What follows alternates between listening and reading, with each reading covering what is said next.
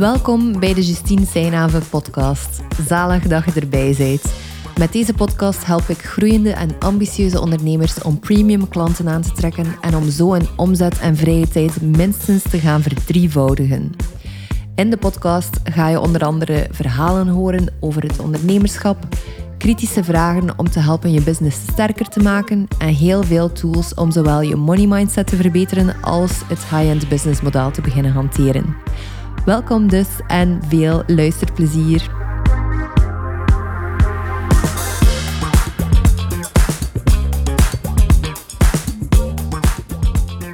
Hey en welkom bij alweer een nieuwe podcast. Het voelt voor mij even geleden omdat ik vorige week of twee weken geleden een heel aantal podcastafleveringen gebatcht had. Um, ik ben nog altijd voor de lancering aan het opnemen. Het is nu maandag 4 februari. Maar het voelt toch zo terug weer even opnieuw beginnen en er weer in komen. Ook al heb ik vandaag een super interessant onderwerp eigenlijk op de planning, dat ik zelf heel fascinerend vind en dat ik een sterke vraag vond van een van mijn klanten. Want bij de podcastlancering die ik heb uh, aangekondigd op Instagram, heb ik jullie ook direct gevraagd wat dat de um, vragen zijn die jullie beantwoord wilden horen. En uh, een van mijn klanten heeft dus gevraagd hoe dat je ermee omgaat als high-end klanten ervaren zijn en dus soms ook succesvoller zijn dan jezelf. Want dat is iets dat ik mijn klanten ook altijd aanraad om echt voor die toplaag te gaan, om voor die topondernemer te gaan, dat je nu al in het vizier hebt waarvan dat je denkt, oh my god, dat zou zo zot zijn als we zouden samenwerken, of ik zou dat zo cool vinden. Ook wel spannend, maar ook vooral heel cool. En um, ik vond dat een super interessante vraag, omdat ik het zelf ook aan het meemaken ben. Uh, sinds dat ik mij high-end gepositioneerd heb, heb ik ook een aantal klanten aangetrokken van wie dat ik denk, ja, wow. Of van wie dat ik initieel dacht, kan ik u wel helpen? Uh, en dan is er daar wat mindsetwerk aan te pas gekomen natuurlijk, om, ja, om daarmee om te kunnen gaan. En ook wel een strategisch luik. Dus ik ga je vandaag de beide kanten meegeven hoe dat ik daar zelf mee omga en hoe dat ik mijn klanten daar ook in coach om daarmee om te gaan. Want een van de redenen waarom dat je dus eigenlijk met die high-end klant of met die bovenste laag van de markt wilt gaan werken, is omdat die net ervaren is. En dat is een beetje de ironie eraan. Je wilt netwerken met mensen die ervaren zijn, die al een soort van vruchtbare grond gelegd hebben om verder op te gaan bouwen. Als je bijvoorbeeld, uh, ik denk heel vaak vanuit het voorbeeld van business coach, maar stel dat je met iemand gaat samenwerken die nog nooit in een cursus of in een één op één coaching geïnvesteerd heeft en die dan plots een traject van, ik zeg maar iets, 50.000 euro, dat je dat zou aanbieden. Dat zou als een enorme stretch voelen voor die persoon. Dus in principe wil je eigenlijk iemand die net al het werk ervoor gedaan heeft. Iemand die eigenlijk al voor 80 à 90 procent onderweg is naar de resultaten dat hij kunt aanbieden. En hoe ga je daar dus mee om? Zeker op strategisch vlak. Hoe kun je dan wel die mensen aantrekken die net op dat niveau zitten? Dat is eigenlijk als je durft goed nichen of je goed positioneren. Om een voorbeeld te geven vanuit het business coaching luik is uh, ik werk bijvoorbeeld aan de hand van het high-end model. Nu, een andere, uh, je zou kunnen denken van ja, uh, ik kan geen coaches coachen die al meer omzet gedraaid hebben dan mij. Dat klopt eigenlijk niet. Want ik kom heel veel coaches tegen die momenteel met een soort van passief inkomen model werken en die bakken geld verdienen, maar die geen connectie meer voelen met hun klanten. En die misschien wel veel tijd hebben, maar die veel kosten hebben om de Facebook-ads te laten lopen, om het team te onderhouden en die daar eigenlijk niet het best tot hun recht komen. Want mijn expertise ligt net op de plek waar dat ik u kan dichter doen voelen bij u, bij uw klanten, als je dat wilt, waar dat je meer connectie kunt voelen. Dus dat is eigenlijk een voorbeeldje van waar dat um, uw expertise gewoon kan aanvullen, waar dat die persoon op dat moment een probleem mee heeft. Een ander voorbeeld daarbij is, stel dat je expert bent in gebruiksvriendelijke websites bouwen. En je komt iemand tegen die een agency heeft en die dus best wel al een ferme onderneming heeft. Die werkt met een vijf tot tien man. En die persoon in kwestie werkte vroeger ook als website developer slash designer. En heeft daar dus ook al kennis in. Maar niet noodzakelijk in het aspect van de gebruiksvriendelijkheid, wat dat eigenlijk super belangrijk is, zeker vandaag de dag. En op die manier kun jij dan eigenlijk je expertise weer gaan bijdragen tot het agency, tot die bedrijfsleider. Dus voel je hoe dat je je altijd kunt positioneren als iemand met essentiële skills die ergens een bijdrage kan brengen. Dat was eigenlijk meer het strategische luik. Dus uw positionering kan daar een groot verschil in maken. Maar er zit ook heel veel mindsetwerk in als je met meer ervaren klanten begint te werken. En ik wil even terugkomen op iets dat ik in de inleiding zei, waarbij dat het wel intimiderend kan zijn om dus met mensen te werken die succesvoller of dat hij succesvoller vindt. En daarbij wil ik stilstaan bij het label intimiderend en aan de andere kant ook het label succesvol. Want in principe is iemand succesvol vinden super relatief aan waar dat hij momenteel zit. Om u een voorbeeld te geven, ik vond vroeger mensen die six figures verdienen, vond ik intimiderend en indrukwekkend.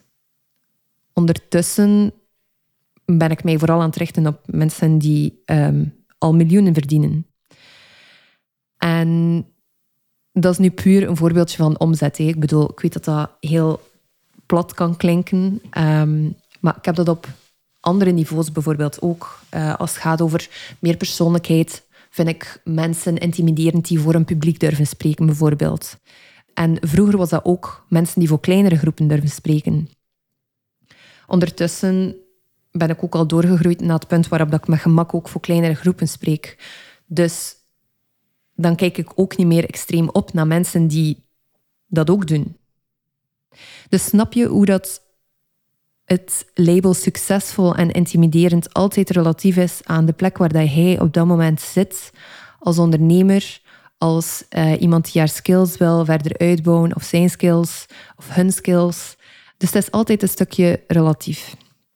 En dan daarnaast wil ik u ook uitnodigen dat als je woorden gebruikt als succesvoller of intimiderend, dat je eigenlijk op die manier ook weer met taal aan het verraden zijt hoe dat je voelt over iemand.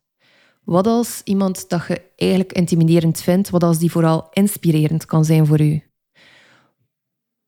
Als ik zelf nadenk over dat woord inspirerend versus intimiderend, dan voel ik heel sterk dat bij intimiderend voel ik een gesloten houding voel ik iemand op een pedestal plaatsen. Terwijl als je aan inspirerend denkt, dan voelt het meteen al opener. Dan kun je gaan kijken van, oké, ik ben nieuwsgierig naar die persoon. Amai, zij inspireert mij.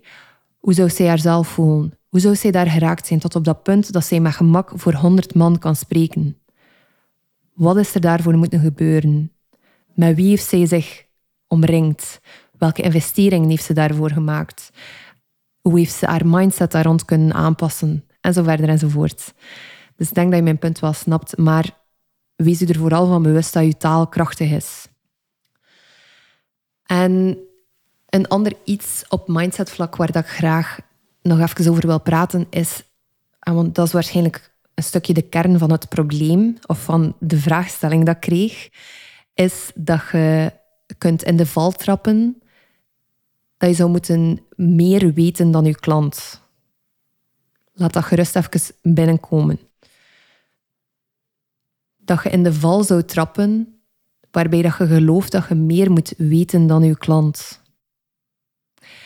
En als je het weer van op strategisch perspectief bekijkt, dan kun je dat dus makkelijk vermijden door expert in je eigen niche te zijn. Maar dan nog kun je soms nog het gevoel krijgen van wie ben ik om die persoon te helpen? Zo dat stukje imposter syndrome. En dan is het belangrijk om jezelf eraan, eraan te herinneren dat het oké is Zelfs in deze maatschappij, waarin dat we vaak doen alsof dat we alles moeten weten en alles moet zeker zijn en je moet over alles een mening hebben, dat het oké is om bepaalde zaken niet te weten. Ook tegenover je klanten. Het is echt perfect oké om een keer te zeggen van, ik ga eerlijk zijn, ik weet het momenteel niet. Ik ben dat zelf een paar jaar geleden beginnen ontdekken, hoe bevrijdend dat het kan zijn om eigenlijk te zeggen, ik weet het niet. In dit moment weet ik het niet. En het grappige is, als je dat durft toegeven aan jezelf soms, of zelfs aan je klanten, als je je zo kwetsbaar durft opstellen, dat er heel vaak ruimte komt om je nog veiliger te voelen, waardoor dat er toch weer antwoorden gaan doorkomen waarvan je denkt, daar zou ik nooit kunnen opgekomen zijn als ik weer ging doen alsof ik het wel allemaal wist.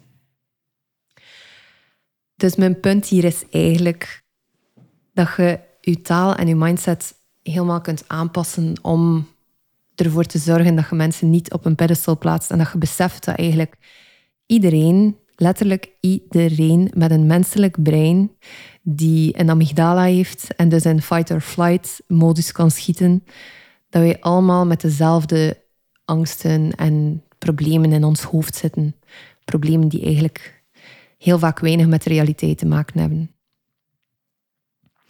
Dus ik wil u vandaag ook vooral uitnodigen om dan u af te vragen van wat als uw succesvolle, tussen aanhalingstekens, klant of succesvollere klant, wat als die u kan inspireren?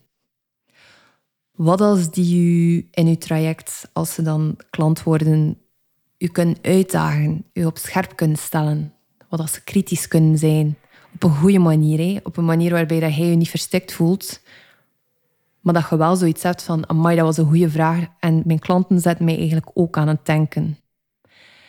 Want wat we vaak vergeten in ondernemen is dat hij niet de enige moet zijn in uw relatie met uw klant die inspirerend is. Uw klanten moeten u ook kunnen inspireren. Anders hou je het niet vol. Zeker niet als je zo ambitieus bent als dat ik denk dat je bent. Anders zou je niet aan het luisteren zijn. Dan is het echt belangrijk dat je durft voor die klant te kiezen die je gaat uitdagen. Dat was eigenlijk alles dat ik vandaag wilde vertellen over hoe dat je met een klant kunt werken of een high-end klant kunt werken die succesvoller is dan jij. Wil je graag ook met ervaren ondernemers werken en ook op die manier uitgedaagd worden?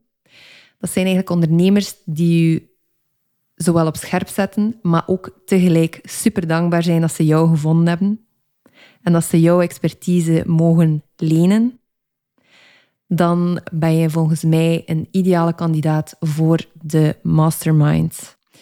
Ik verwijs u heel graag door naar mijn Instagram-pagina, waar dat je gerust een call kunt inboeken en dat we er verder kunnen over praten. Merci om te luisteren vandaag. Als je iets bijgeleerd hebt of hebt een nieuw inzicht gedaan dat je business gaat laten groeien, vergeet dan zeker niet om de podcast te volgen of u erop te abonneren. Of als je mij liever een persoonlijk berichtje stuurt, kan dat via de DM's op Instagram. Je vindt de link naar mijn profiel in de show notes.